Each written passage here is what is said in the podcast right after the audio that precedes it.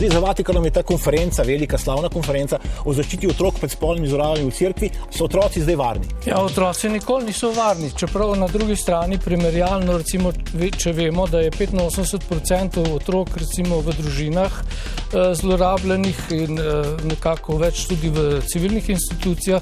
Ne, otroci niso varni. Čeprav se v rimsko-katoliški cerkvi v primerjavi z domačimi gospodinstvi zlorabi manj otrok in v primerjavi s skupnim številom zlorab v nepregledni množici civilnih institucij. Nekako tudi.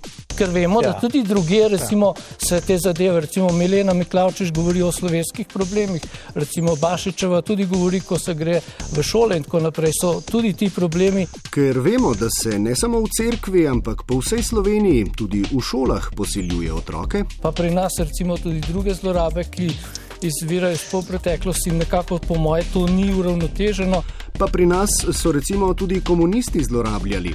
Nekako bi bilo, po moje, uravnoteženo, če bi ob vsaki omembi duhovniške pedofilije obvezno dodali še, da je komunizem totalitaren, Tito lopov, levičarji pa zavedeni.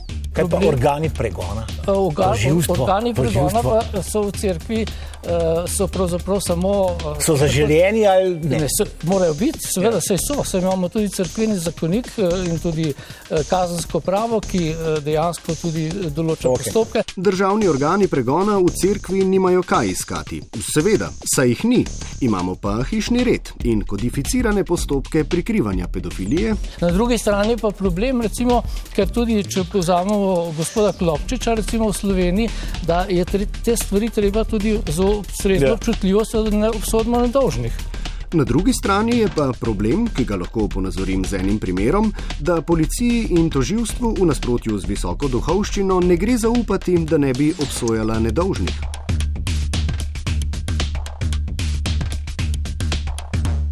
Primerov za duhovne čispolnih zlorab otrok je toliko, da tudi crkva zdaj priznava, sveda, da je pedofilija sistemski problem. A se vam zdi, da priznava, da je sistemsko tudi crkveno prikrivanje teh zlorab? Mislim, da ni sistemsko, ampak to je vedno problem institucije. Mislim, da ni sistemsko, ampak institucionalizirano. Recimo, če vzamete tudi slovenska država, recimo, ni obračunala s preteklostjo, recimo zlorabo otrok na teharjah, ženske, recimo hudijami in podobne stvari. Recimo, če vzamete v slovenski državi, še vedno ni prav celotna populacija obsedena s preteklostjo, povojnimi poboji in podobnimi stvarmi. Problem seveda katoliške crkve in tudi drugih uh, verskih ustanov je, da pravzaprav uh, s tem kršijo tudi temeljno osnovno pravilo, ki je deset ja. božjih zapovedi. Problem seveda katoliške crkve in tudi drugih verskih ustanov je, da so v krčeviti želji po ohranitvi statusa moralnih avtoritet izrazito hinavske.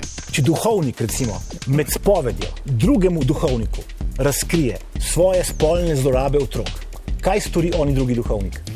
Po spovedni molčečnosti tega ne bi smel povedati, ampak, ampak jaz mislim, da, da bi bilo pa treba sedaj to tudi uh, sistemsko rešiti, da se ta spovedna molčečnost v tem primeru razveže, kar je pa seveda velik problem za samo spoved po spovedni očečnosti tega ne sme povedati. Ampak jaz mislim, da bi lahko to odpravili. Kar je pa seveda velik problem za same pedofile.